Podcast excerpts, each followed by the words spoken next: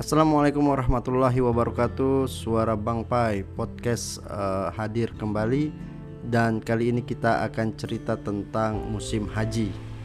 Mumpung masih dalam suasana haji. Pertama saya ingin mengucapkan selamat Hari Raya Haji Idul Adha Semoga kita semua tetap istiqomah berada di jalan Islam Yang sedang menunaikan ibadah haji Semoga hajinya mabrur yang belum merasakan bisa sampai ke tanah suci semoga disegerakan oleh Allah Subhanahu wa taala.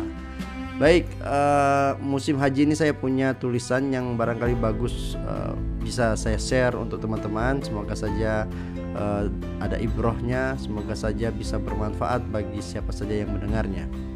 Musim haji. Hari ini hari raya haji. Setelah peristiwa kurban ada satu hal yang tak boleh dilupa saat musim haji. Oh sorry, hari ini hari raya haji selain peristiwa kurban.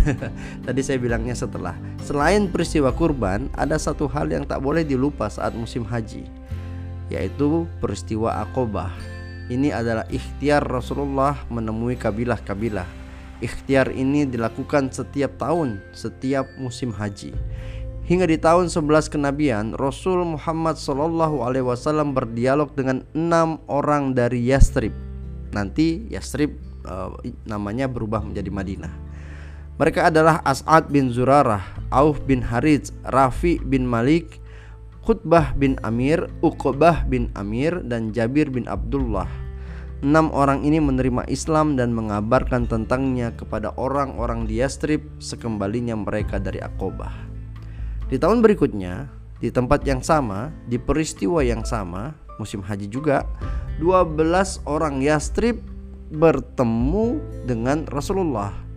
Mereka lah orang-orang Ansor pertama. Mereka berbaiat kepada Nabi. Di antara janji-janji yang mereka ucapkan adalah tidak menyekutukan Allah dengan apa pun, tidak mencuri, tidak berzina, tidak membunuh anak-anak, tidak berdusta, tidak membantah perintah Nabi dalam hal kebaikan. Setelah itu dari Aqobah mereka kembali pulang ke Yastrib. Rasulullah mengikut sertakan Musab bin Umair untuk mengajarkan Quran dan hukum-hukum Allah secara mendalam kepada mereka. Tak membutuhkan waktu lama di Yastrib, Islam telah menjadi opini umum yang tak satu pun pintu rumah tidak membicarakannya. Masya Allah. Tahun berikutnya di tempat yang sama, di peristiwa yang sama, musim haji, sebagian besar kaum muslimin kembali bertemu dengan Rasulullah. Kaum muslimin ini dari Yastrib. Sebagian riwayat mengatakan jumlah mereka 73 orang, riwayat yang lain menyebutnya 75 orang. Ini adalah peristiwa Bayat Aqobah yang kedua. Ubaidillah bin Samit berkata, "Kami berbaiat kepada Rasulullah untuk mendengar dan setia baik pada waktu susah maupun senang, tidak akan berpecah belah, akan mengatakan kebenaran di mana saja berada, dan tidak akan takut kepada siapa pun di jalan Allah.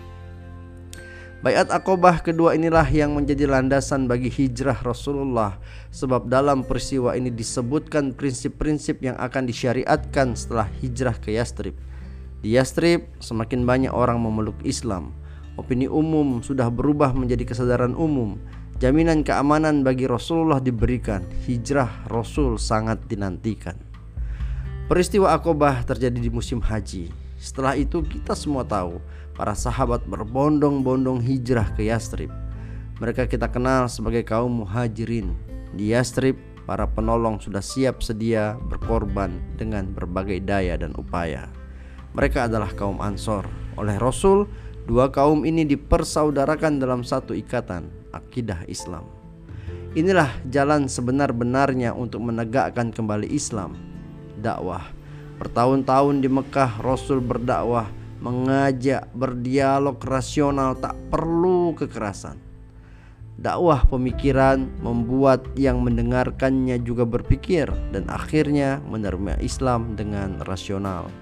Musim haji, peristiwa Aqobah, menjadi sesuatu yang tak boleh dilupakan oleh kaum muslimin di dunia. Selanjutnya konsep dan metode yang telah baku dilakukan Rasulullah ini tinggal kita tiru. Dakwah. Hanya dakwah. Sampai nanti nusrah datang.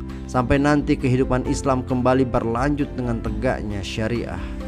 Selamat Hari Raya Haji, selamat berkurban. Semoga pengorbanan kita semua dalam berjuang di jalan Islam mendapat ridho dari Allah Ta'ala.